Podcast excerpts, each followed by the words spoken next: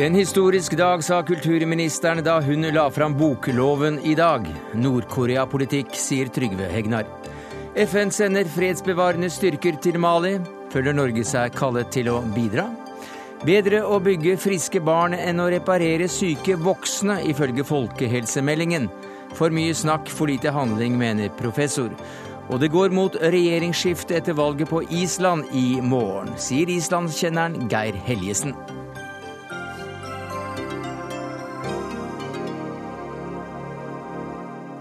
Ja, Det er noen av sakene i Dagsnytt 18 denne fredagen, der vi også får høre at kongerikets første romfartsmelding på 26 år er mer opptatt av å bedre værvarslingen enn av norske månelandinger. Men vi begynner med det som vel er en slags månelanding for deler av bokbransjen, i hvert fall. Hadia Tajik, du sa på lanseringen av den nye bokloven at dette er en historisk dag. Hvorfor er det det? Det er en historisk dag for litteraturen i Norge. Og det er fordi man løfter litteraturen ut av en unntaksordning i konkurranselovgivningen og inn i lovverket, en egen boklov.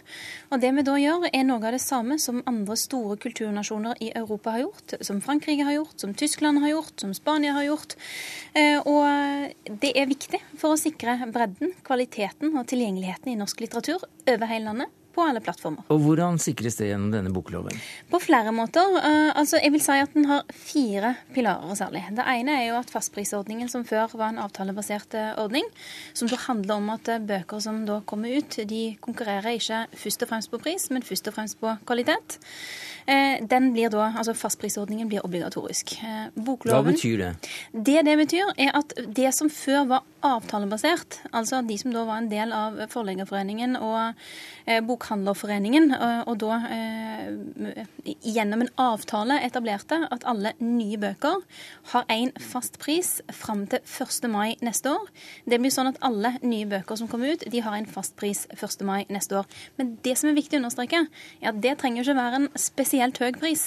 Altså, det kan, Hvis man har lyst til som forlag å ha som profil at bøkene som blir utgitt av mitt forlag, de skal koste en hundrelapp, mm. så kan de fortsette å koste en hundrelapp. Men det var altså fastprisen? Ja.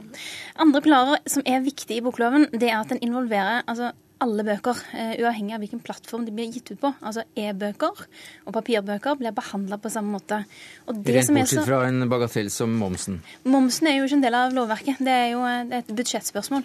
Men det som er, er viktig med at elektroniske bøker er en del av dette, er at hvis du er en ny aktør som har spennende teknologiske ideer om å, hvordan man skal distribuere og formidle elektroniske bøker til folk, kanskje fordi du har en idé om en strømmetjeneste eller en abonnementstjeneste, mm så er det fritt fram. Så er det fritt fram. Alle forlagene har leveringsplikt til denne aktøren. Det betyr at man som forlag ikke kan nekte vedkommende å selge de e-bøkene. Og det betyr at han har mye større sjanse for å lykkes med vår modell. Det var to av fire. Ta de to andre litt. Jeg må bare si en liten ting til ja, om e-bøkene. Det. Oh, men det er så viktig, skjønner du. Det er at e-bøkene Det vi òg gjør, er at med dette lovverket så gjør vi det mulig å ha andre prismodeller for elektroniske bøker, som f.eks. blir formidla gjennom strømmetjenester. Og det det betyr i praksis, er at med denne loven, så kan vi gjøre det mulig å, eh, når man f.eks. får tilgang på en strømmetjeneste, betale mindre for de bøkene man da totalt sett får tilgang på, enn det som mm. ville vært summen av fastprisen per bok. Det er helt nytt. Det har man ikke kunnet gjøre før. Det var altså to av fire pilarer. Skal vi holde oss til de, for de er vel kanskje de som det er eh, størst strid rundt, eller hva sier du? Eh, Trygve Hegnar, du, du, har jo kalt alt dette fabelaktige stoffet som nå skal i lovs form for en Nord-Korea-politikk? Ja, altså Jeg mener at denne dagen er en sorgens dag for bokkjøpere i Norge. Altså Der er det en Arbeiderparti-statsråd kulturstatsråd som går inn og legger frem et lovforslag, som Stortinget kanskje da vedtar, hvor man da skal sikre garanterte høye bokpriser i Norge. Vi har kanskje verdens høyeste bokpriser. Jeg er ikke helt sikker, det er iallfall vesentlig høyere enn i Sverige, som er nabolandet. Og nå skal man da ved lovs form sørge for at disse prisene blir høye. Det skal altså det, i lovs form bli forbudt å selge bøker billigere, f.eks. altså høyere utdanning. Hvis et forlag setter at en eller annen bok om matte eller norsk eller tysk setter prisen til 400 kroner, så er det forbudt for en bokhandel å sette den prisen lavere i, et, i halvannet år. Og det er jo helt hinsides. altså også for bøker så er det faktisk slik, tror jeg, da, at uh, man selger mer av det som er litt rimeligere, ikke nødvendigvis billig, enn det som er dyrt. Og denne loven gjelder også på bøker. Så med denne loven, hvor man får da garantert lovfestede høye bokpriser, så vil det bli solgt da færre bøker. Det kan ikke være bra. Et øyeblikk, vi tar den først. Veldig gjerne. fordi uh, nå er det sånn at uh, vi kan sammenligne oss med noen land. I Sverige så har man et friprissystem. Altså man har ikke fastprisordningen som man har i Norge. Og det man ser er at man selger likevel flere bøker per innbygger i Norge enn det man gjør i Sverige. Man selger omtrent fem bøker per innbygger i Norge og omtrent 4,2 i Sverige. Og Det er vel eksempler umiddelbare... da som eh, underbygger at eh, det er ikke prisen eh, det kommer an på. Men altså det, I det hele tatt å ture å påstå det, at det ikke er noen sammenheng mellom pris og antall bøker man selger, det gidder jeg ikke høre på engang. Det er en vær, altså Vannet renner nedover i Norge, som i alle andre land. Men hva er det andre punktet du tok opp, så er jeg ferdig med det. Dette med den avansereguleringen, det er, sånn, det, er det jeg kaller Nord-Korea-økonomi, eller kommandoøkonomi, eller krigsøkonomi. Og bare ta et veldig bitte lite eksempel. Hvis en bokhandler, kan være deg eller meg, blir enig med et forlag om å kjøpe en bok for 40 kroner, som han har tenkt å selge for 100 kroner. Det høres veldig enkelt ut, ikke sant? Etter den nye loven blir det forbudt. Han kan altså da ikke da betale 40 kroner, han må betale 50 kroner til forlaget. På den måten vil da altså da regjeringen nå styre hvordan man skal fastsette prisen mellom bokhandler og forlag, og det er jo helt idiotisk. Det er jo helt idiotisk. Skal jeg ta et, et eksempel til? Akkurat i disse dager, så jeg har en nettbokhandel og jeg har en bokklubb. I disse dager så har vi bestemt med et forlag at vi skal selge en lærebok i økonomi for 400 kroner. Den har vi avtalt med forlaget at vi skal betale 120 kroner for. Med den nye loven er det forbudt. Da må jeg betale forlaget 200 kroner per bok. Det er jo helt tullete. Nei, altså Poenget med avansereguleringen, som jeg jo ikke rakk å eh, presentere i stad, men som jeg gjerne gjør med glede nå, det er at vi jo har satt et tak på hva slags rabatter man kan gi, som er 50% Så det er helt korrekt det Trygve Hegnar sier. Og det er høl i huet. Nei, jeg vil jo mene at det som er så bra med det å ha tak på rabattreguleringen, er at det blir ikke mulig å skvise de mindre aktørene. Altså De som har en sterk eierposisjon, kan ikke skvise bredden blant bokhandlerne eller bredden blant forlagene. Og til syvende og sist så er det det som er viktig for leserne og forfatterne sin tilgang på bøker over hele landet. Ja, altså jeg, altså Hvem som har makt eller ikke makt. Det er helt sant at Små forlag har, har da sagt i den senere tid at de er litt lei seg for at noen bokhandlere sier at vi må ha mer penger for å selge boken din, og så forlanger de en høyere avanse, da noen kaller rabatt osv. Så så små forlag kan juble her, hvis ikke de selv eier Ja, men så det da eh, faktisk- bokhandlere, ja, men- som slik du f.eks. gjør. Men bokhandlere er jo på en måte de er, altså næringsdrivende, driver butikk, og de holder på og gjør så godt de kan. Eh, Og det er jo helt åpenbart at det er bedre altså Ikke for medisiner engang, ikke for mat, ikke for musikk, ikke på noe område i landet har vi den avanseregulering som, som det Tajik her eh, nevner. Og Det er jo helt merkelig at ikke da bokhandleren, som er en fri næringsdrivende, skal kunne snakke med forlaget og avtale prisen selv. Og jeg, Mitt eksempel er jo ganske godt. De blir altså enige om at bokhandleren skal betale 40 kroner for boken og skal selge den for 100. Men det får han altså heretter ikke lov til. Han må betale 50, selv om forlaget ikke har bedt om det engang. Og det, det, det finnes jo ikke engang i Nord-Korea, sannsynligvis. Kan, kan jeg Men- Nei, et jeg øyeblikk, du kommer til ordet senere som eh, forlagsdirektør. Nå er er det ikke noe særnorskt at man har en boklov. Eh, altså det er jo første, det er jo en fantastisk historisk dag for Norge at man nå har det. Eh, men eh, man har det i mange andre europeiske land. Jeg vil jo ikke, jeg vil jo ikke tro at Trygve Hegnar mener at eh, Tyskland eller Frankrike eller Spania ligner på Nord-Korea. Det- det er det er en liten forskjell, det er en liten forskjell. Mm, Men Et øyeblikk, men vi må nesten få høre på er svaret her. det er liten- For det annen gang da Tajik sier det, og det brukes jo hele tiden av de som ønsker da denne bokloven, det at det finnes andre land som Ja, har den kulturnasjoner. Ja, Det er ikke, ikke bare Nord-Korea. Men det finnes ikke en eneste kulturnasjon hvor de store forlagene, de tre største forlagene i Norge, også eier 70% av bokhandlerne. Og det Så- gjør de her, ja. Og det gjør de i Norge. Og da er klart at det er et helt annet lovverk de har. Det er jo ingen konkurranse mellom disse forlagene og bokhandlerne. De kan bestemme om de vil ha profiten eller fortjenesten på bokhandlerleddet eller på forleg- forleggerleddet. Og slik finnes ikke noe Mm. annet sted. Så det man gjør her, altså Min gode venn William Nygaard, hovedeier i Aschehoug. I dag har han drukket champagne, og han har ledd hele veien til banken. Dette er en lov hvor de store forlagene kan trykke penger så lenge Tajik holder på, og så lenge jeg holder på. Mm. Det, det har vel da din ikke fullt så gode venn Musta også gjort. Han har sikkert også skålt for det. Ja, for med, champagne. Mer champagne. Men uh, Tajik, eh, dette her skal altså sikre norsk litteratur. Eh, men du gir jo ganske mye, da. til bokbransjen og ikke minst da forlagene. Hva venter du å få igjen? Jeg forventer at de lener seg forover når det gjelder teknologiutvikling og innovasjon på e-bokmarkedet.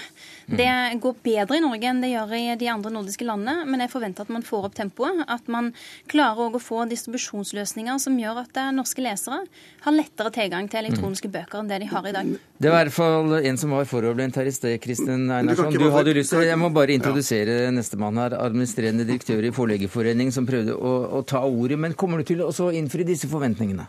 Ja, det skal vi sørge for at vi gjør. Det er helt klart at eh, når en bransje får eh, rammebetingelser som eh, gir en mulighet til mye utvikling, mye innovasjon, mulighet til å opprettholde mangfold og bredde, så må vi levere på det. Utredningen som ble gjort i fjor, viste at det har vi gjort gjennom dette tiåret vi har bak oss, og det skal vi jaggu meg sørge for at vi gjør i framtida. Grunnen til at jeg vinker, det var jeg må, må få Trygve Hegnar ned på jorda, i hvert fall ett bein. Altså, Ca. 90% av titlene som eh, er i omløp eh, i det norske markedet enhver tid, er fripris. Der kan man forhandle hva søtten man vil eh, mellom forlag og bokhandler. Fordi at de er, de er, ikke ett år gamle? Vi snakker om de mm. nye bøkene. Akkurat nå, i dag, så er det ca. 20% av titlene som du kan kjøpe på norske norske markedet, er fastpris. Onsdag neste uke er det 1. mai. Da er det plutselig bare 5% som er fastpris. Det er 95 fripris, for da løsner alt 2012-saken. De hører vel også med i bildet at det er en forsvinnende liten del av bøkene som faktisk ja, men, du snakker om? Ja, men det er knep. Altså, dette er jo et knep som man har brukt hele tiden. Det er jo poeng for noen at de kan få nye bøker billig også. At de ikke må vente halvannet år før de får nye bøker billig. Det finnes familier som ikke har så mye penger som, som øh, øh, noen andre her i studio, og som kanskje da utover i distriktene eller andre steder faktisk ønsker å betale litt mindre for bøkene, også nye. Hvis man alltid skal vente halvannet år før man får bøkene billig, så syns jeg det er helt urimelig. Og dessuten et liten replikk til Tadia også da på e-boksystemet. Man har jo inkludert e-bok i dette her. Og Det er jo helt merkelig, for på den måten skal forlagene også styre den delen av boksalget hvor man har hatt lave priser. Norske studenter, familier, ungdommer, alle kjøper mm. bøker på Amazon for 40 kroner norske e-bøker, fordi man har inkludert dette i avtalen om faste, høye priser, så vil det bety at norske e-bøker kommer garantert til å ligge langt over prisene andre steder hvor man kan kjøpe bøker, og så får man da en vridning mot at man da leser mer engelsk enn norsk. Det kan da ikke være god kulturpolitikk. Er det en villet politikk? Vet du hva, det, det, jeg må nesten opplyse om at e-bøkene allerede er en del av fastprisordningen. Det har de vært siden 2010. Og det man ser jevnt over, det er at e-bøkene prises vesentlig lavere enn det papirbøkene gjør. Det skulle bare mangle, det, det er jo ikke papir her. Det som er så fantastisk òg med vår boklov, det er jo òg, eh, som jeg har påpekt, at man kan skape nye prismodeller som faktisk gjør det mulig å, å starte opp f.eks. strømme strømmetjenester eller abonnementstjenester der man får tilgang på nye bøker, men der summen er lavere enn summen av fastpris per bok. Og det har jo ikke mm. vært, eh, vært mulig mm. til nå. Men jeg, Nei, et øyeblikk, jeg må nesten okay. avbryte deg. Vi skal ha med en til, og han sitter på Lillehammer og har vært helt stille. Men ifølge meningsmålingene så er det altså ikke helt bombesikkert at de rød-grønne får klart mandat av folket til å fortsette i fire nye år etter 9.9. Hadia Tajik. Eh, så da er det jo bare for en eh, ny borgerlig regjering å gjøre om på dette her, få måneder etter at dere har vedtatt det. De sier i hvert fall at de vil det. Jeg har oppfattet at Høyre og Fremskrittspartiet har vært veldig tydelige på at de ikke ønsker en boklov. De har faktisk sagt det allerede før de har sett -hmm. lovproposisjonen, og det er jo en ærlig sak. Men samtidig så må jeg si at jeg syns at vel, det er et uttrykk for at man, man ikke tar kulturpolitikken så seriøst da, når man eh, tar stilling til en lov som man eh, på det tidspunktet ikke har sett. Hva sier du til det, Høyres representant i kultur- og familiekomiteen, Olemic Thommessen? Vi har arbeidet uh, grundig med disse spørsmålene, og vi har jo også sett på det høringsutkastet som uh, har vært uh, lagt ut, fordi vi visste at her kommer vi til å få skikkelig dårlig tid. Og um, det som uh, ikke har forandret seg noe etter at jeg har sett denne bokloven, det er at jeg spør meg hvorfor i all verden trenger vi den. Vi har jo en bransjeavtale som um, Er nesten helt lik? Som er nesten helt lik. Som bransjen har levd godt med, men som gir større fleksibilitet og et bedre rom. Det er tross alt i forhold til bransjeavtalen så tvinges ikke alle inn i samme folden.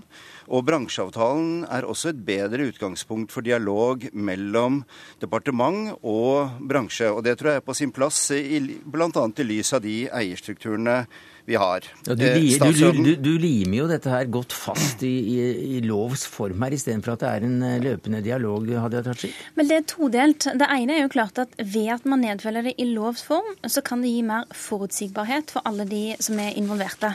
Men på den annen side så er det viktig for meg at man òg ivaretar fleksibiliteten. og Det betyr at man gjennom forskrift f.eks. For kan skape disse nye prismodellene for mm. strømmetjenester og abonnementstjenester. Er altså, det er altså sånn at man nå tegner rammene for et slags bilde av hvordan man tror at dette blir i fremtiden.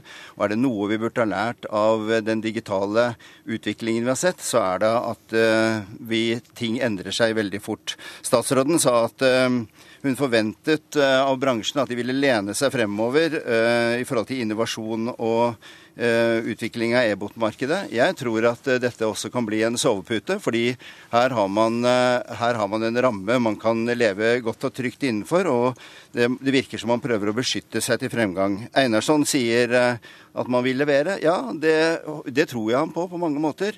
Men jeg tror han vil levere bedre hvis han hadde et departement som faktisk skulle godkjenne en avtale han var en del av, og, og hvor eh, man kunne puste bransjen i ryggen og provosere bransjen i de prosessene som leder frem til en fornyet avtale. Hadde ikke det vært greit, Andersson? Jeg, jeg, føler ikke at denne bransjen trenger eh, å ha et departement som puster i nakken på oss. Altså Det som puster både foran og bak oss, det er globalisering, det er teknologisk utvikling, og det gjelder å henge med. Hvilket vi gjør. Vi har brukt tid på å bygge opp et lokalt eh, marked som kan fungere, som ikke bare Amazon kan spasere inn i. Dette skal vi fortsette med og, og, den teknologiske utviklingen kommer til å fortsette. Ja, og Det betyr også at eh, vi kommer til å lese mye mer engelskspråklige bøker, for de koster 50 kroner i forhold til de 300 eh, kronene det koster på nett. Ja, men altså nå, eh, Denne prisdiskusjonen er interessant, jeg er nødt til å komme inn på den da. De E-bøkene som er solgt i første kvartal i år, kostet i snitt 112 kroner inklusive moms. Det er snittprisen. I tillegg ble det gitt bort 25% av det som ble omsatt. E-bøkene er i snittpris mellom 30 og 70% billigere enn papir. og Hvis du går på mm. Amazon, så er snittprisen der ca. 25% billigere. Så altså, norske forleggere priser e-bøkene billigere enn det Amazon gjør. Er det din erfaring, ja, men. Altså, det er jo helt opplagt at e-bøker er billigere enn papirbøker. Man slipper papiret, innbindingen, transporten, varelageret, alt som hører med, svinnet. Altså, det er jo helt komisk. Selvfølgelig er e-bøker billigere. Mye billigere. Jeg har akkurat selv, bare for en uke siden, levert en, en, en, en bok innen økonomi og opplæring eh, for å lansere den som e-bok. Det kostet meg 3000 kroner. 3000 kroner var totalsummen. og Jeg kan da selge de bøkene, og kostnadene mine er 1 krone per bok. eller sånn, og Jeg kan da ta 40 eller 50 eller 120 eller 130 kroner. Selvfølgelig er e-bøkene billige. Jeg er garantert, og jeg er helt sikker på, at med den modellen nå hvor da eh, statsråden klarer å binde da også e-bøker inn i en avtale hvor de store forlagene skal fastsette prisen, så vil norske e-bøker i overskuelig fremtid være langt høyere priset enn bøker som man kan få i utlandet. Og jeg er stygt redd for, og jeg tror ikke Tajik helt har forstått det, at dette her vil favorisere da engelsk litteratur istedenfor norsk litteratur. Olemic Thommessen, kommer du til å forandre denne bokloven øh, om du tilfeldigvis skulle havne på den taburetten? Ja, Vi mener jo at, øh, at bransjeavtalen er et mye bedre utgangspunkt for å møte de utfordringene som øh, kommer med når e-boken virkelig gjør seg gjeldende. Husk på, Foreløpig har vi jo ikke sett konsekvensene av at e-boken ville være et faktum. Vi har ikke hatt noen fri prisdannelse på e-bok. Og vi har heller ikke sett Vi ser at det er stor overetablering på bokhandel. Altså her kommer det til å bli store endringer. Mm. Og med en bransjeavtale så har vi et mye sterkere utgangspunkt for å også gå gjennom virkemiddelapparatet og få et, frem, et virkemiddelapparat med sikte på fremtiden. Takk skal du ha, Ole Mikke Thommessen, kulturpolitisk. Ja. ja. Der kom svaret. Kulturpolitisk statsperson i Høyre. Takk til deg, Trygve Hegnar, daglig leder i Hegnar Media, forlegger etc. etc. Hadia Tajik, kulturminister. Eh, Kristin eh, Einarsson, du har jo da ifølge det som hviskes rundt i reolene når du ikke sitter ved siden av Tajik her, eh, at du er mannen bak denne loven, så vi får vel gratulere deg med dagen. Ja, det er mange bak ja. denne loven. Jeg har hatt en beskjeden plass i den. Ja, sikkert. Takk skal dere ha. Vi har eh, da eh, selvfølgelig behov for å få høre hvem det er som har grunn til å virkelig feire i dag. Hva sier du til det, Agnes Moxnes? Du er vår kulturkommentator. Ja, Det er nok uh, den såkalte bokbransjen, kanskje i første rekke forleggerne. Eh, og så bokhandlerne. Og så vil jeg jo tro, eller det vet jeg jo, at, at forfatterne også jubler. Det var eh, Hadia Tajik da hun presenterte denne loven i dag på Litteraturhuset, så var det trampeklapp for henne, og der var hele bransjen eh, samlet i dag. Men du nevnte bokhandlerne. Jeg trodde de fikk det dårligere, siden de ikke kan ta den avansen de kunne før? Ja, men du vet at Bokhandlerne eies jo stort sett eh, av eh, forleggerne. Så hvis det er et tap i den ene enden, så er det en gevinst i den andre enden. Eh, men det er nok helt sikkert at altså, det som skjedde i dag da, med dette forslaget, dette taket på 50 det er hvis du deler bokkaka i to, så skal nå bokhandlerne ikke kunne ta mer enn 50% av det en mm. bok eh, koster. Det er litt mindre. altså De har hatt en periode nå de siste ti årene hvor de kunne ta litt mer. Og det har vært viktig for inntjeningen til mm. bokhandlere. Vi har utrolig mange bokhandlere i Norge, jeg tror det er 650 omtrent.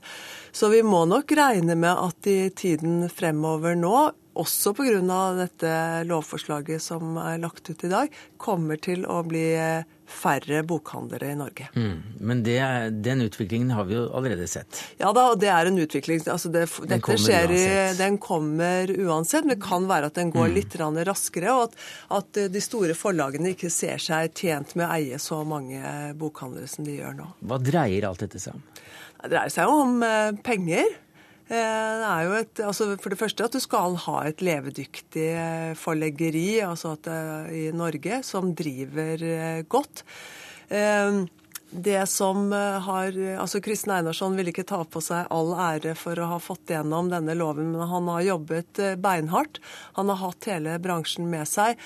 Og eh, jeg tror ikke det er feil å si at uh, hovedaktørene i bokbransjen har i dag fått det som de ønsker. Men hvorfor er Trygve Hegnar så negativ, da? Er det på en prinsipiell bakgrunn? Eller? Ja, for han vil ut og ut. Altså, det som skjer nå, er jo at alle forleggere Vi har hatt en Juritzen, vi har hatt en Hegnar, vi har hatt mm. andre små eh, forleggere og bokhandlere som har vært på utsiden av, av den såkalte bransjeavtalen som var snakk om her da.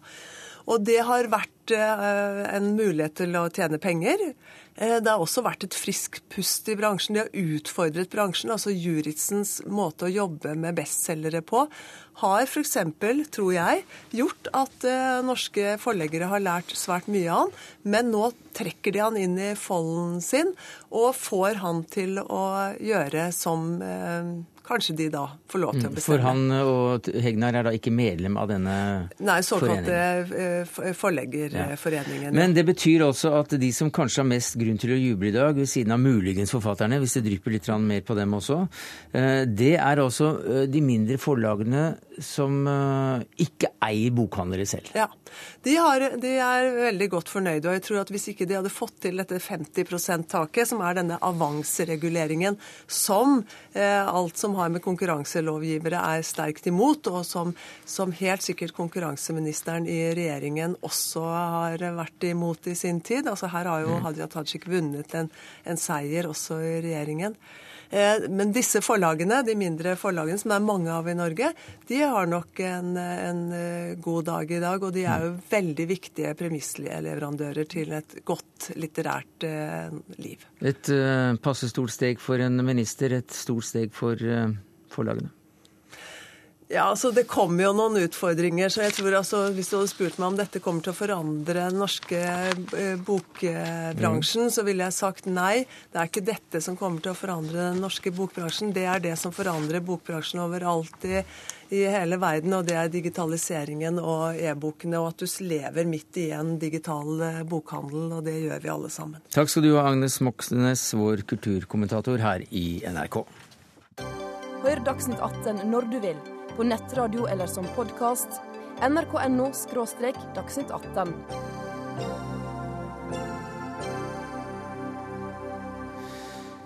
I går vedtok altså FNs sikkerhetsråd å sende en fredsbevarende styrke på er det 12 600 mann og kvinner til Mali. Hva mer vet UD om dette nå, statssekretær Torgeir Larsen? Det er et eh, vedtak som du sier i eh, FNs sikkerhetsråd. Et eh, klart såkalt kapittel 7-mandat til en FN-operasjon i Mali. Som da har et stort antall soldater. Skal ha et tak på en drøyt 11 000. I tillegg til sivilt politi. Mm. Og et mandat som er robust, altså kapittel 7, til å altså gjenopprette den maliske stats eh, autoritet, som det vel eh, heter i, i vedtaket. I tillegg til eh, et mandat i forhold til menneskerettighetssituasjonen. Og en, og en lang, lang rekke andre. Men hovedbiten er da gjenoppretting av, den maliske stats autoritet. I tillegg til at i denne resolusjonen, så lenge inntil man kommer på, på bakken, i hvert fall et, nesten et år framover, så har også de franske styrkene da et mandat, eh, og vil, dersom FN-styrken eh, angripes, et mandat til i kraft av, av resolusjonen til å forsvare mm. FNs Nei, for eh, vi ser jo Frankrike stikke opp her som også forslagsstilleren i FNs sikkerhetsråd, som en av eh, Sikkerhetsrådets faste eh, medlemmer. Men hvordan forholder Norge seg til dette? Vi, vi støtter denne resolusjonen. Det. Aktivt vil også melde seg villig til å sende soldater nedover? Det eh, regjeringen har sagt, det utenriksministeren har sagt, er at eh, vi vil vurdere Eh, norske muligheter til å bidra dersom denne resolusjonen ble vedtatt, og det ble den i går. Så vi er i gang med det. Mm. En hoved politisk grunn til at vi aktivt støtter den, er, og det er viktig å merke seg, er at denne resolusjonen har kommet på plass etter aktivt arbeid fra Den afrikanske union og ECOWAS, altså denne regionale organisasjonen i, i Vest-Afrika, mm. som er de som står med, med styrke på bakken i dag. Men eh, jeg tror at eh, Utenriksdepartementet har sagt eh, det klarere enn som så. For begrunnelsen dere ga i februar for ikke å bli med på denne EU-operasjonen som var på gang, det var at Norge vil i denne omgang prioritere en eventuell FN-ledet operasjon og ikke bidra i EU-styrken. Så det er altså snakk om å prioritere denne FN-styrken. Ja, det, det, er riktig. Eh, det er for så vidt ikke noe nytt at eh, regjeringen prioriterer både FN-deltakelse, det står i Soria Moria, mm.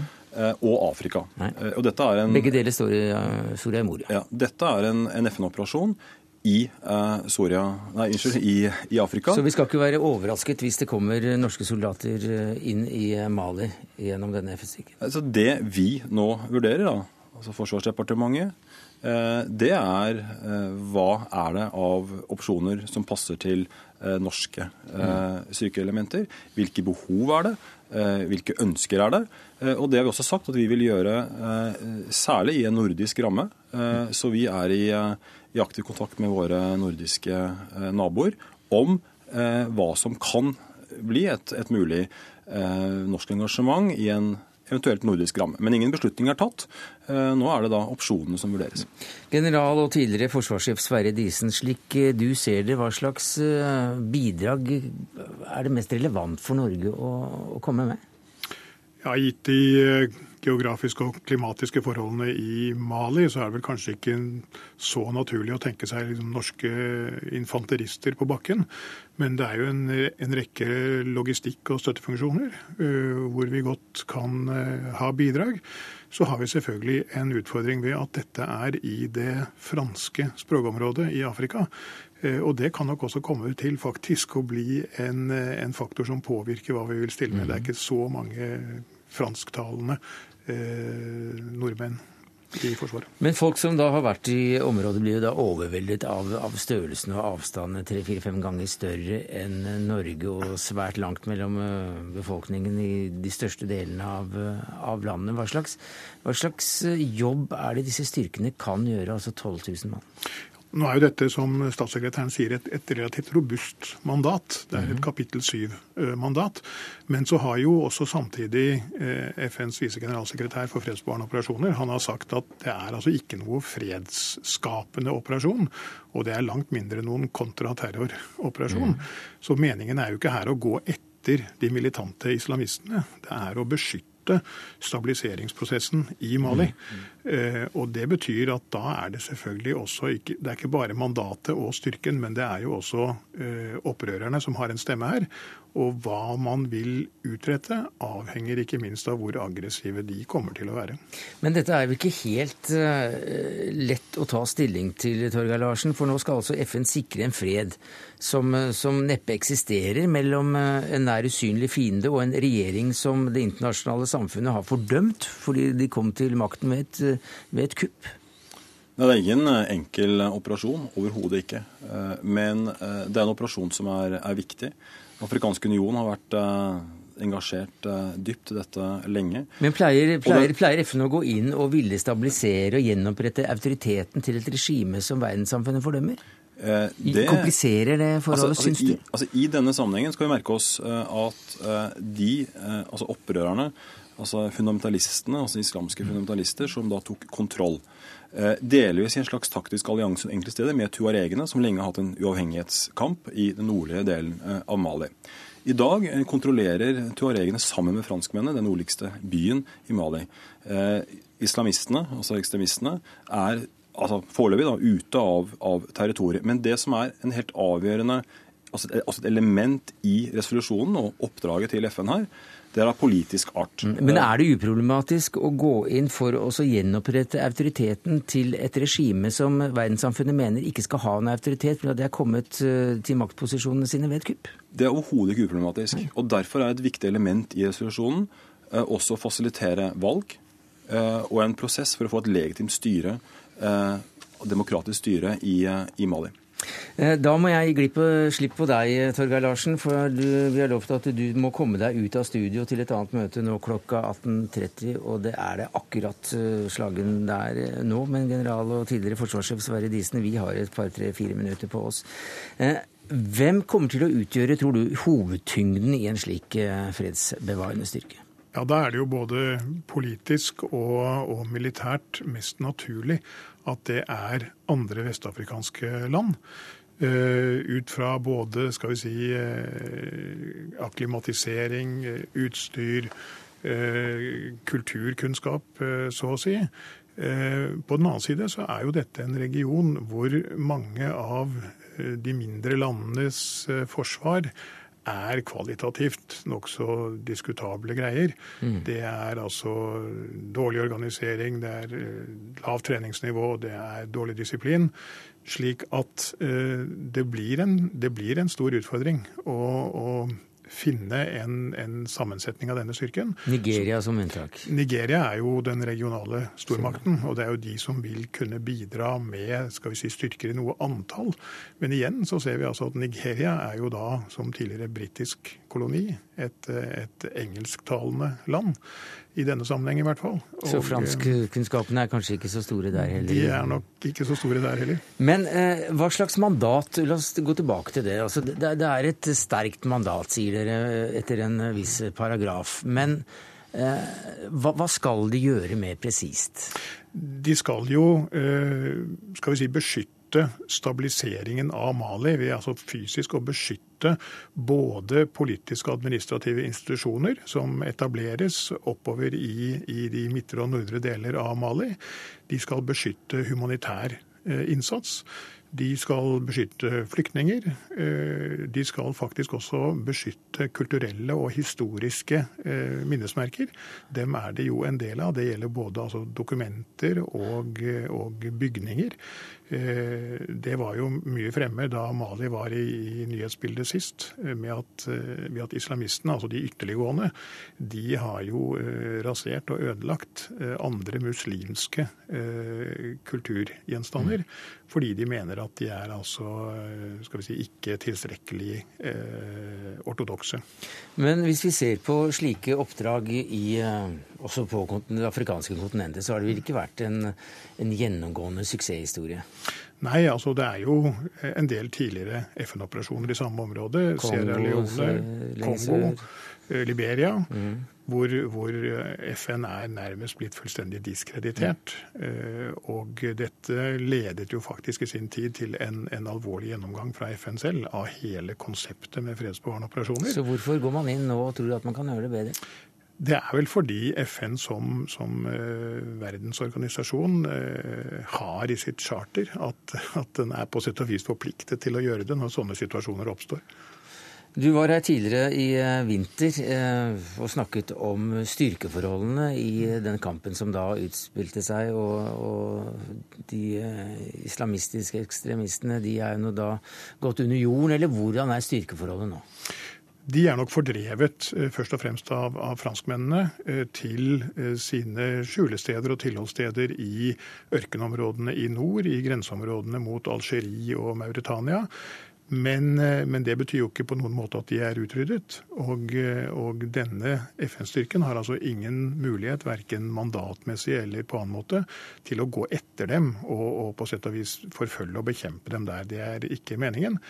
Eh, og da blir spørsmålet, med tanke på hvordan de kommer til å lykkes med disse oppgavene med å beskytte stabiliseringen, det, det kommer i stor grad an på hvor offensive Eh, islamistene kommer til å være.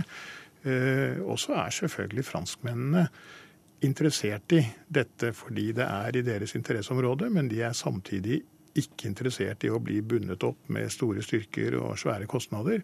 Så de håper vel da på at de vil kunne være med å understøtte en FN-operasjon mm. med eh, skal vi si, kvalitativt viktige kapasiteter uten å måtte ta et, et politisk og militært hovedansvar. Nei, for Det er jo røster som har sagt og tvil på at det utelukkende er eh, å, å fri seg fra et mulig oppmarsjområde for terrorvirksomhet, at man går inn i Mali. Men at det er vel så mye ressurser som gull, boksitt etc. etc. etc. som avgjør. Hvordan eh, tenkes det rundt dette i det miljøet du, Junker? Jeg tror vel at uh, dette spørsmålet om hvorvidt noe, en, en, militær intervensjon har en ideell eller en skal vi si, mer realpolitisk begrunnelse, mm. den får man alltid. Uh, og begge deler påvirker sikkert de politiske resonnementene i hovedstedene. Ikke minst når stormaktene er inne i, bildet. Men det er ikke noe tvil om at det er jo i, eh, i vår interesse, både skal vi si, idealistisk og realpolitisk bedømt, å hindre at denne delen av Afrika blir et oppmarsjområde for den internasjonale terrorismen. Takk skal du ha, Sverre Disen.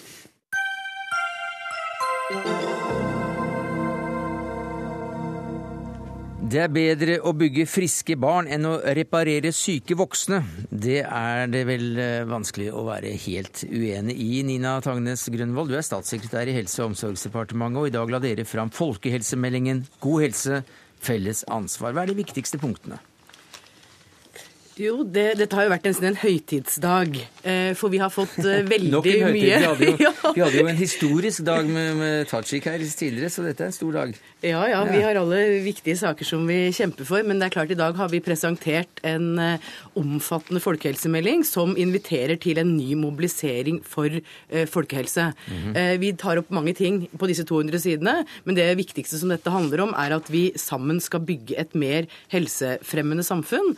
At vi skal fortsette å jobbe for mer rettferdig fordeling av helse, og at vi, har, at vi f.eks. setter oss et, et ambisiøst mål om at Norge skal bli et av de landene et av de tre landene i verden der folk lever lengst. I dag er vi på ellevte plass. Og her følger det penger med? Ja, nå er jo sånn at Stortingsmeldinger det handler om å beskrive retningen på politikken. Men i tillegg til at vi i dag har lagt fram stortingsmeldinga, så har vi også kunngjort at eh, regjeringen fra 2014 foreslår å styrke eh, skolehelsetjenesten og helsestasjonene med 180 millioner mm. for å eh, styrke den, mest, den viktigste forebyggende tjenesten for barn og unge. Så er du opptatt av at vi er blitt tjukkere?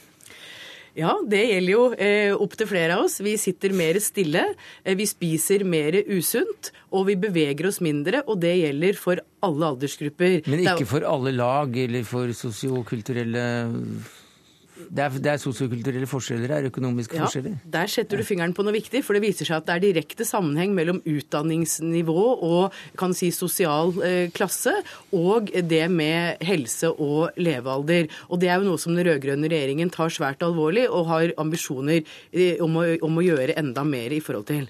Så de sunneste og friskeste og slankeste de bor på Oslo vest, i Kalfaret og Øvre Singsaker? Ja, Det har jo gitt, inn, gjort veldig sterkt inntrykk på mange mennesker å vite at det er opptil 10-11 års eh, le, eh, levealdersforskjell mellom f.eks. Oslo øst og mm. Oslo vest. Det er eh, en sterk informasjon som vi som politikere føler oss kallet til å gjøre noe med. Ingrid Tune, du er professor i forebyggende medisin bl.a., og det er tilknyttet Oslo universitetssykehus og Universitetet i Tromsø. Tidligere i dag sa du at mye var bra, men du savner mer konkret handling. Hva da? Ja, For det første så vil jeg jo si at eh, Folkehelsemeldingen er en veldig viktig melding. Vi er veldig glad for den er kommet, og den tar opp veldig viktige sider. Men det er, jeg vil også si at jeg savner en del, og jeg savner en del konkrete ting. Så dette syns jeg er en, god, en begynnelse, men dog med mangler. Hva er det du savner mest? Ja, jeg savner eh, konkrete tiltak. Hvordan løse dette med sosial ulikhet med å gjøre de riktige tingene i forhold til helse og ta til seg helse. Det er det ene. Jeg savner en fokus på hvorfor Hvorfor er det sånn at eh, vi ikke Hvorfor har vi ikke lovpålagt dette med frisklivssentraler? Og så må jeg si Frisk. frisklivssentraler i mhm. kommunene. Det er bare De anbefales, men det blir ikke lovpålagt her. Og så vil jeg også si at når jeg ser på side 82 i meldingen, så står det at fysisk aktivitet er et kostråd. Det, altså, det står det på side 82 i meldingen. Det står ingenting om hvordan man konkret tenker å gjøre dette her. Fysisk aktivitet er en fysisk funksjon som har med kognitiv evne til å greie ting, evne til å forstå ting. Og jeg savner altså konkret mm. tiltak på det. Ja, nå er det sånn at I kostrådene våre i Norge så nevner vi også fysisk aktivitet. Men i tillegg så skriver denne meldingen og, og, sier meldingen mye om fysisk aktivitet på alle områder. Ikke minst i skolen, og om de ambisjonene vi der har om å få på plass eh, og finne ut hvordan vi kan få til én time fysisk aktivitet hver dag. Mm. Så sier vi at vi fra 2014 eh, vil starte eh, kampanjer i forhold til fysisk aktivitet. Og en helt konkret eh, eh, tanke som vi formidler, er at nå skal 30 eh, om dagen blir like kjent som fem om dagen. Og da snakker altså vi ikke om minutter, sigaretter. 30 minutter fysisk aktivitet om dagen for voksne skal bli like godt kjent som fem mm. frukt og grønt om dagen. Det er konkret. Det har vi gjort i ti år. Det er ikke kommet noen ting ut av det. Dette har vi visst helt siden, og dette har vi lagt frem for ti år siden. Det har vært kampanjer, ikke noe konkret har kommet ut av det. Når det gjelder fysisk aktivitet i skolen, da må vi jo ha kompetanse, lærere, og ikke bare ha at det settes på dagsplan. For det er jo konkret aktivitet vi må ha. Og jeg savner det, og spesielt tatt i betraktning at når vi ser Støre i dag uttalte at endringer i samfunnet er vi sårbare for når det gjelder livsstil. De som er mest sårbare, er ungdom. Og jeg syns ikke det har kommet mm. godt nok frem her. Ja, nå kan vi være konkrete, så er det også sånn at vi f.eks. i dag har fortalt at vi eh, allerede i år styrker tilskuddsordningen til frisklivssentraler med ytterligere eh, 14 millioner kroner. Så det skjer konkrete ting. Men det er klart at det som er et av hovedgrepene som vi tar opp i denne meldingen, er at folkehelse handler ikke om helseministerens pekefinger eller om lovforbud i stor grad, eller nye mm. lovforbud fra regjering og storting. Det handler om mobilisering for et bredt partnerskap i samfunnet. Det handler om arbeidsgivere og arbeidstakere deltakere, næringslivet, frivillige organisasjoner, ikke minst kommunesektoren og fylkeskommunene, kommunene, som vi nå inviterer til å jobbe mye mer systematisk mm. og mobilisere sammen for å bygge et sunnere samfunn. Kari Kjønaas eh, Kjos, du er helsepolitisk talsperson for eh, Fremskrittspartiet, og du har fått sett eh, på denne meldingen. Hvordan ser den ut, syns du?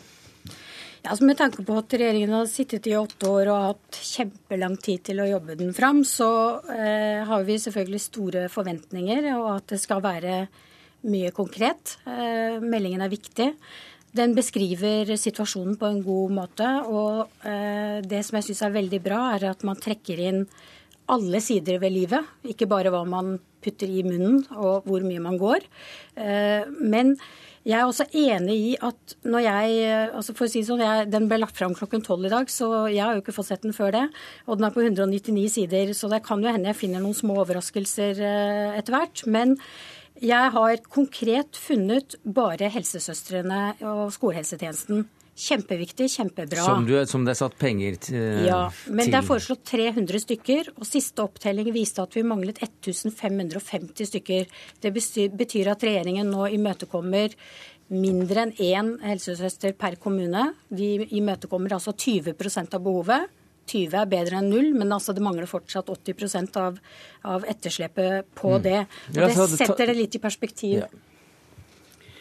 Ja, Vi peker på skolehelsetjeneste og helsestasjon som den aller viktigste forebyggende tjenesten i lokalsamfunnet. Men bare 20 eh, er da finansiert? Ja, jeg tror, vi, jeg tror for, Fra vårt ståsted at vi velger å, å, snu på det og si at det at vi nå, allerede nå kan si at vi legger 180 millioner kroner eh, i budsjettet for neste år til dette, som tilsvarer f.eks.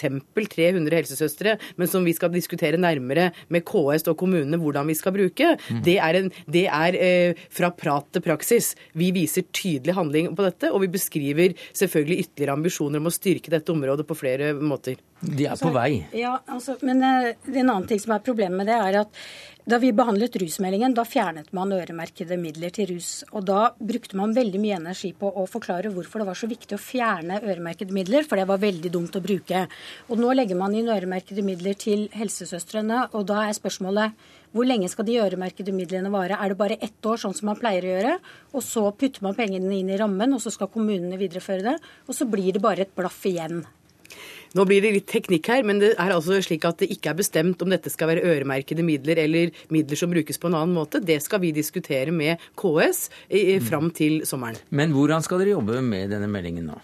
For det, det, er også da forholdsvis lite penger som følger med. Det er, det er to punkter. Den ene da med 300 helse, helsesøstre, men ellers er det svært lite penger. Ja, Vanligvis så følger det jo ikke med penger med en stortingsmelding, men det er en retning. Og så kommer man med lovforslag og med penger i budsjetter og andre mm. ordinære prosesser. Her følger det også med noen penger samme dag, men vi peker selvfølgelig på en retning med 70-80 konkrete nye punkter og, og, og, og masse, masse arbeid som vi varsler at vi skal sette i gang her, med nye måter å jobbe på, med kunnskapsinnhenting, med nye tiltak på matmerkingsområdet, eh, og med, eh, og med en lang rekke kunnskapsbyggende tiltak, bl.a. Vi sier også nå at vi fra nå og framover, hvert fjerde år, skal ha en eh, folkehelsepolitisk melding til Stortinget. Mm. Og den første meldingen kommer allerede om to år. Mm. Folkehelsemeldingen er noe samtlige er enige om at er verdifullt å få på plass. Så var det en del uenighet om det var konkret nok. Takk skal du ha, Nina Tangnes Grønvold, statssekretær i Helse- og omsorgsdepartementet, Ingrid Tune, professor i forebyggende medisin og kreftspesialist, og Kari Kjønaas Kjos, helsepolitisk talsperson for Frp.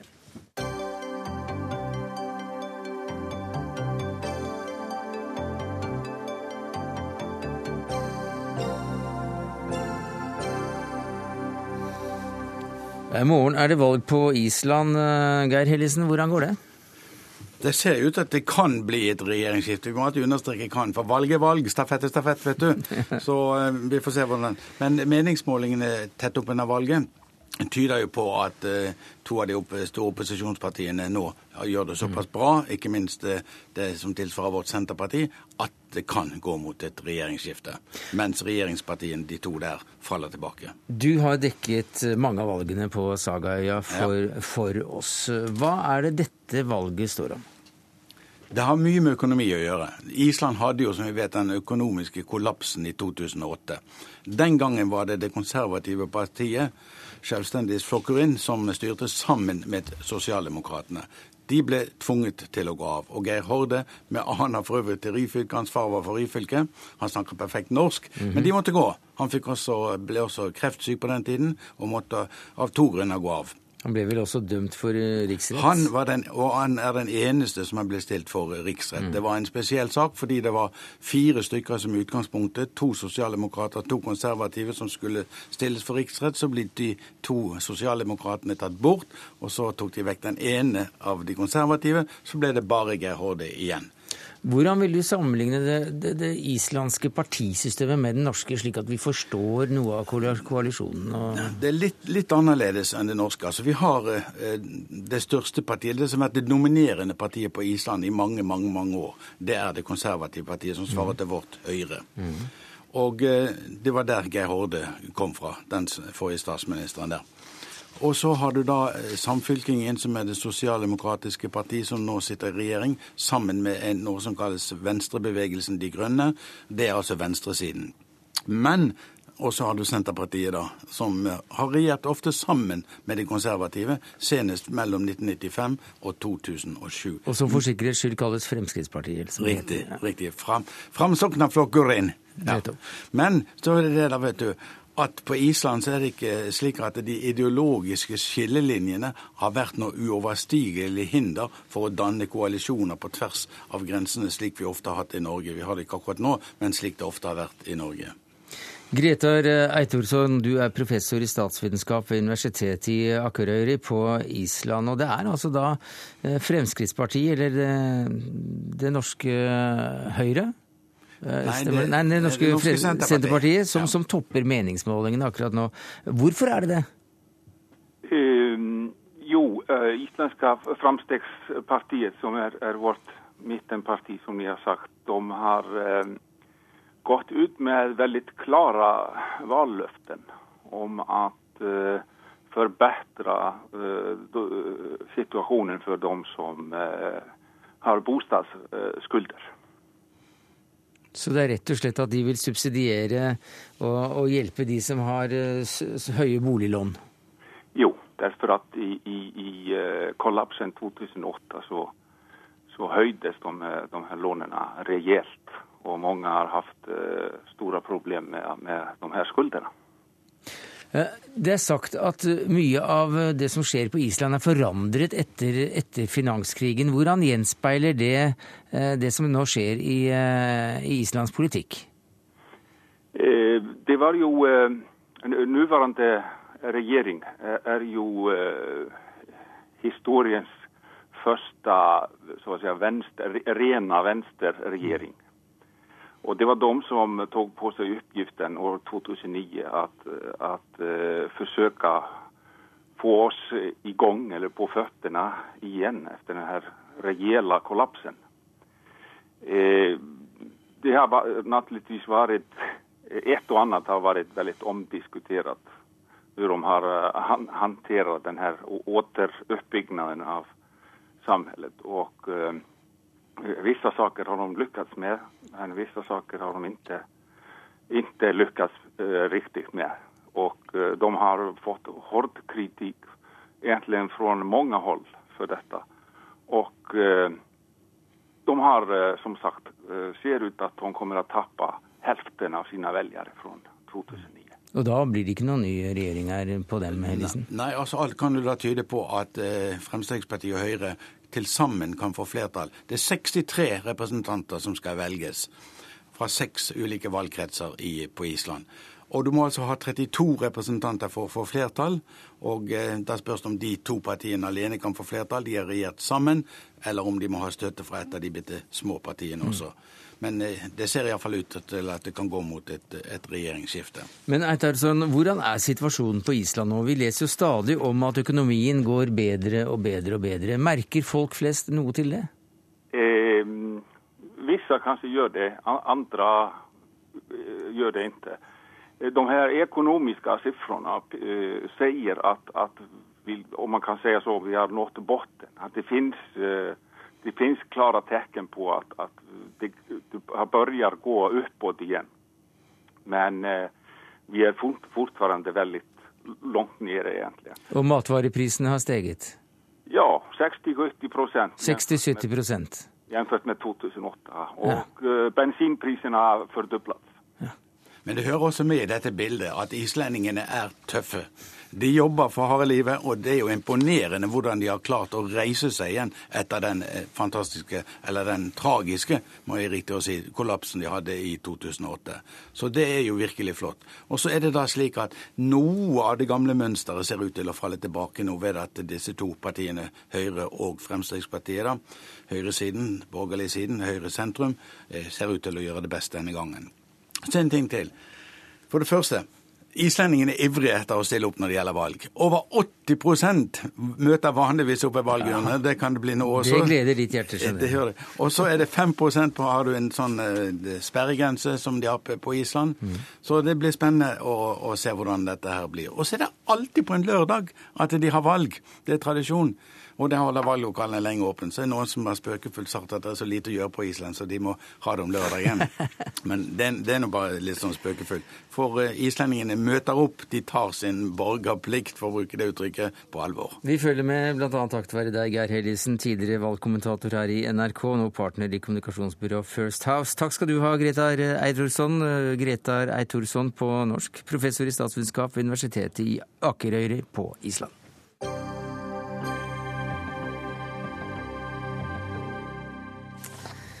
Næringsminister Trond Giske, du har løftet blikket du og kaller deg selv romfartsminister i dag. Hvor i all verden og vel så det da vil du med denne romfartsmeldingen du la fram? Ja, Det er et kvart århundre siden sist en regjering la fram en romfartsmelding. og det sier seg sjøl at på et høyteknologisk område som romvirksomhet, så har eh, endringene vært enorme siden 1987. Eh, det er en liten hemmelighet, tror jeg, at Norge er en eh, aktiv eh, romnasjon. Vi leverer utstyr til verdens romvirksomhet for mange milliarder kroner. Og vi er også en av de land i verden som har mest nytte av all den data som satellitter sender ned til jorda, ikke minst nå etter vi fikk en delelinjeavtale med Russland og har enorme havområder i nord, hvor det egentlig er bare satellittkommunikasjon som kan sørge for eh, at vi får de tjenestene vi mm. trenger i nord. Men Iske, Giske, på, på, NRK Ytring i dag så har du signert en kronikk der jeg leser fra ingressen. Vi snakker om oljenasjonen Norge og oppdrettsnasjonen Norge. Vi burde også snakke om romnasjonen Norge, og som romfartsminister er det gledelig å kunne varsle at norsk romfart fører til sikrere værmeldinger.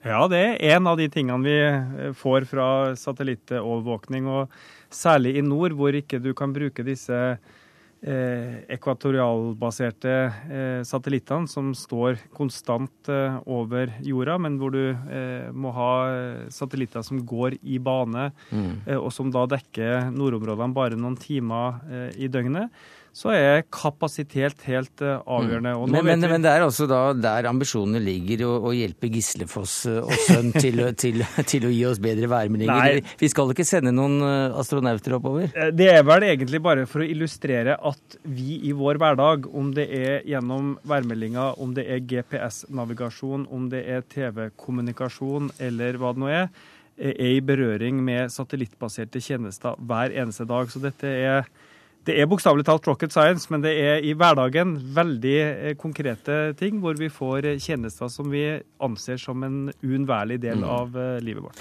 Vi har jo hatt da ministre som har lagt fram saker og ting i dag. Den ene kalte det en gledens dag, den andre kalte det en historisk dag. Administrerende direktør ved Norsk Romsenter, Bo Andersen, hva vil du kalle denne dagen for din del? Nei, den er veldig Nei, den er veldig bra. bra. Det er veldig bra, som statsråden sa, at det er 25 år siden det ble gjort sist. Og så klart at jeg er fornøyd med at den etaten jeg leder, har fått mye skryt. Men jeg, jeg syns også det du sier, eh, at vi ikke reiser til månen og ikke driver forskning. Vi reiser ikke til månen eller Mars, men vi driver veldig mye romforskning i Norge. Mm -hmm. Men det er ikke det som er den grunnleggende verdien hvorfor vi driver det. Vi driver med romvirksomhet. Det er fordi at det er helt nødvendig for å drive et moderne samfunn. Og spesielt et samfunn som ligger i utkanten av sivilisasjonen opp mot Nordpolen. Ja. Derfor eh, legger denne regjeringa opp til en videre utvikling av det som er gjort. Eh, Giske burde skryte litt sjøl. Altså, denne regjeringa her har tredobla innsatsen i nesten tredobla innsatsen i internasjonalt samarbeid og romvirksomhet på den tiden de har vært eh, i aksjon. Og det har gitt Norge en stor rolle i Europa. Stor litt, rolle? Norge har en stor rolle som romfartsnasjon i Europa? Vi er nå den syvende største nasjonen i Europa på romsida. Giske, jeg trodde ikke du pleide også å stikke eh, slike seire under eh, teppet? Nå er jeg en beskjeden eh, trønder av få år, men det er riktig. Vi bruker nå 750 millioner kroner i statsbudsjettet. Veldig mye av det går til de felles europeiske infrastrukturprosjektene. vi er både aktive på å levere utstyr, norske bedrifter får kontrakter takket være disse utbyggingene, men først og fremst så er vi en storforbruker av disse dataene. Og hvis du tenker eh, hva er framtida for Norge? Nå skal vi drive med olje og gass i Barentshavet i nord.